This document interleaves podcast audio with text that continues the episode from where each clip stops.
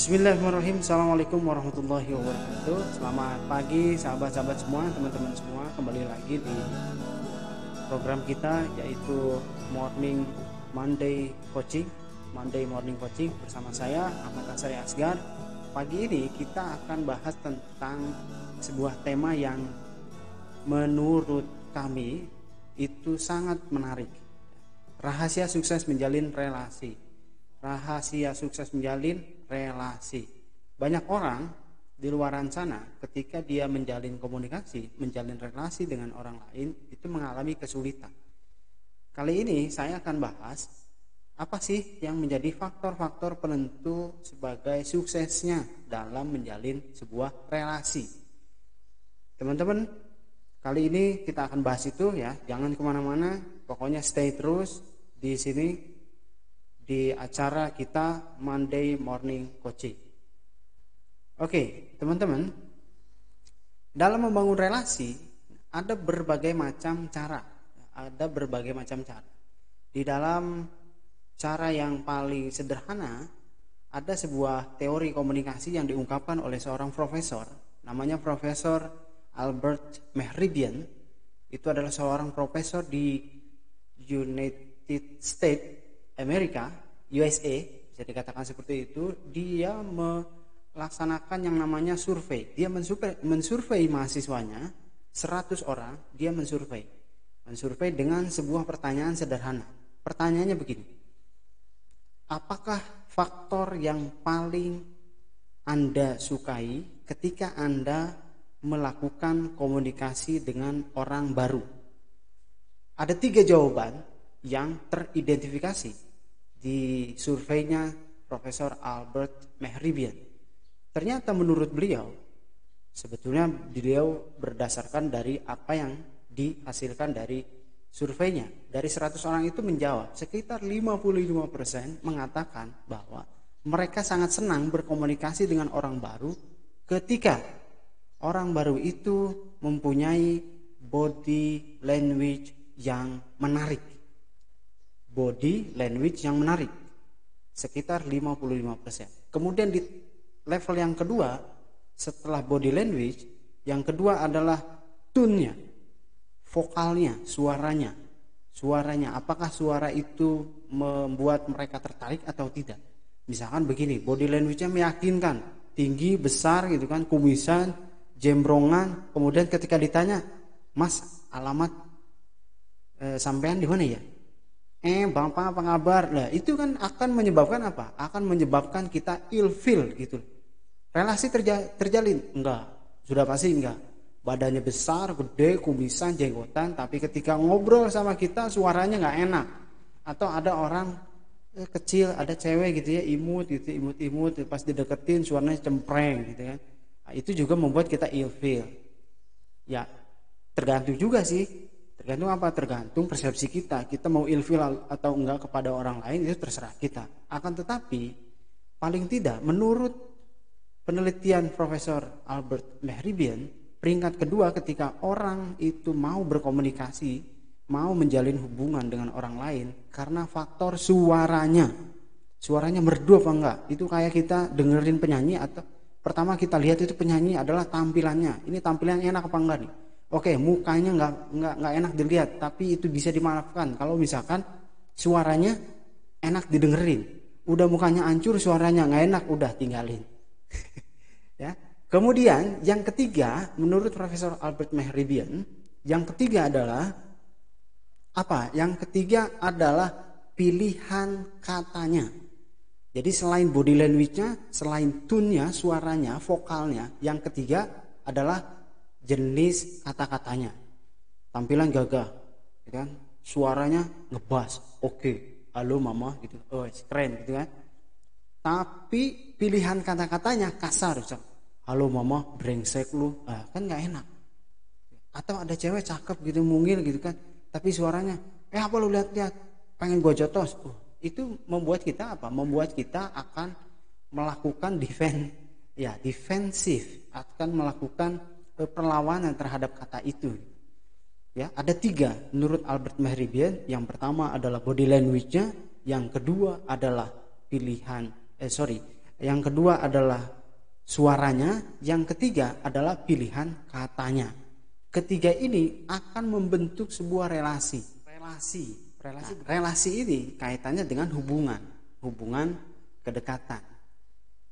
Ada sebuah uh, adagium bilang begini, kalau sudah percaya, jangankan benernya, bohongnya pun percaya. Maksudnya gimana? Maksudnya begini.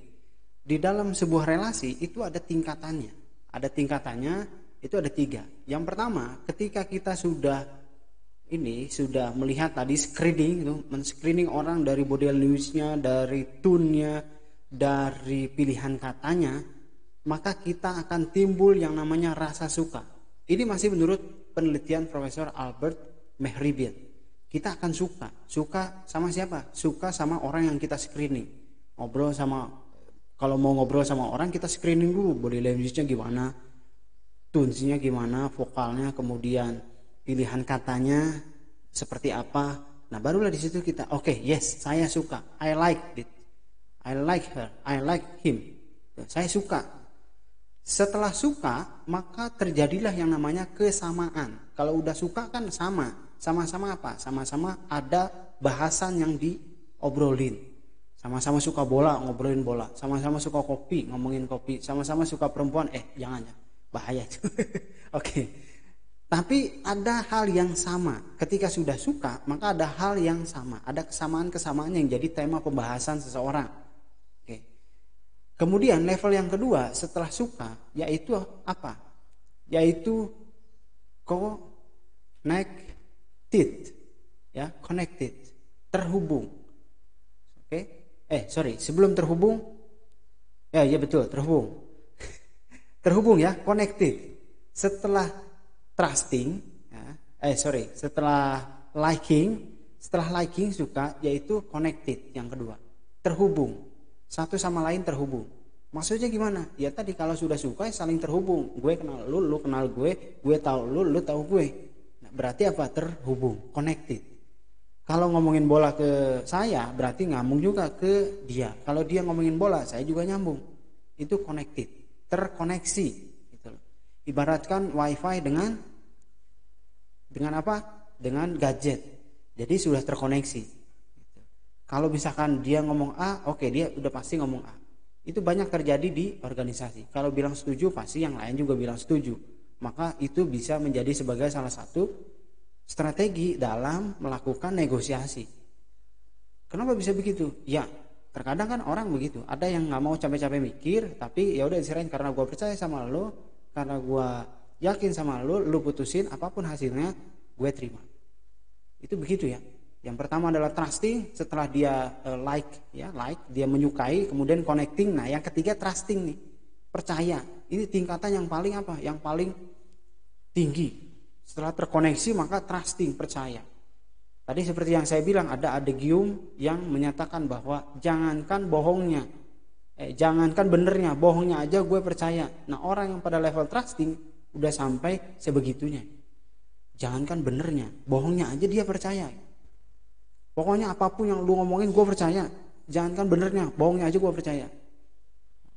Kok bisa begitu? Ya karena sudah pertama like, sudah suka, sudah suka gitu kan, cinta buta, ah itu suka lah urusannya. Udah suka, yang kedua adalah connecting. Connected, nyambung, udah nyambung, maka percaya. Jadi kalau orang itu sudah percaya sama seseorang, oh jangan coba-coba, jangan coba mengkhianati. Kayak lagu ya, lagu siapa itu? Oke, ketika orang melakukan hubungan relasi gitu kan, relasi itu begitu. Jadi pertama kali dia suka, suka atau enggak sama orangnya. Kedua, setelah suka, yang kedua adalah connecting, bersambung atau nyambung. Yang ketiga adalah trusting. Maka di situlah terjalin yang namanya relasi yonal kita terhadap orang lain. Lantas rahasia suksesnya di mana? Nah, rahasia suksesnya berarti di mana? Berarti sebelum Anda, sebelum kita itu di di apa? disukai oleh orang lain, maka kita harus membuat hal-hal yang disukai oleh orang lain. Tadi seperti penelitiannya Albert Mehribian bahwa yang pertama, yang paling besar jawab itu adalah body language-nya maka perbaiki body language-nya mulai dari eye contact kalau ngomong sama orang itu tatap tatap tatap tatapan tatap mata saya gitu kan? Ya tidur. Bukan seperti itu ya. Itu eye contact. Yang kedua adalah gestur. Gesturnya meyakinkan. Meyakinkan. Kalau ngomong jangan kayak orang rap. Iya jadi begitu kan oke eh, oke okay, okay. kan ada orang ngobrol gitu kan ngomong sama orang lain tangannya nggak bisa diem. Itu melambangkan sesuatu tapi itu bahasan lain. Di kesempatan yang lain kita bahas. Yang kedua selain e, gestur itu ada lagi. Apa namanya namanya adalah e, selain gestur postur ya postur kita. Nah postur ini penting. Walaupun walaupun ya walaupun secara e, secara ya tinggi pasti beda gitu. Kemudian tingginya ada yang 150 ada yang 165 ada yang 170 itu kan berbeda berbeda tingginya nggak masalah. Yang penting apa? Posturnya itu meyakinkan dalam berbicara kepada orang lain misalkan kalau misalkan ketemu sama orang jangan berusaha untuk memalingkan wajah. Kemudian eh, pundaknya itu jangan sampai mengkerut ke depan tapi seimbang kaki kalau ngobrol kayak kaki meja gitu kaki meja artinya lurus gitu nggak bengkok satu gitu kayak koboi itu ya itu yang perlu kita perbaiki. Body language body language itu menentukan apa? Menentukan kesan yang baik. Jadi rahasianya adalah kesan yang baik. Bagaimana menjalin hubungan menjalin relasi secara sukses maka ciptakanlah kesan yang baik. Kesan yang baik atau tidak itu bergantung pada sikap Anda, cara Anda berpakaian, cara Anda berpenampilan, cara Anda ngomong, semua cara-cara Anda berkomunikasi itu akan menimbulkan kesan terhadap seseorang atau kesan terhadap diri Anda sendiri. Oke? Cukup sekian kali ini rahasia sukses menjalin relasi dalam program Monday Morning Coaching bersama saya Ahmad Asari Asgar. Sampai ketemu lagi di kesempatan yang lain. Salam inspirasi.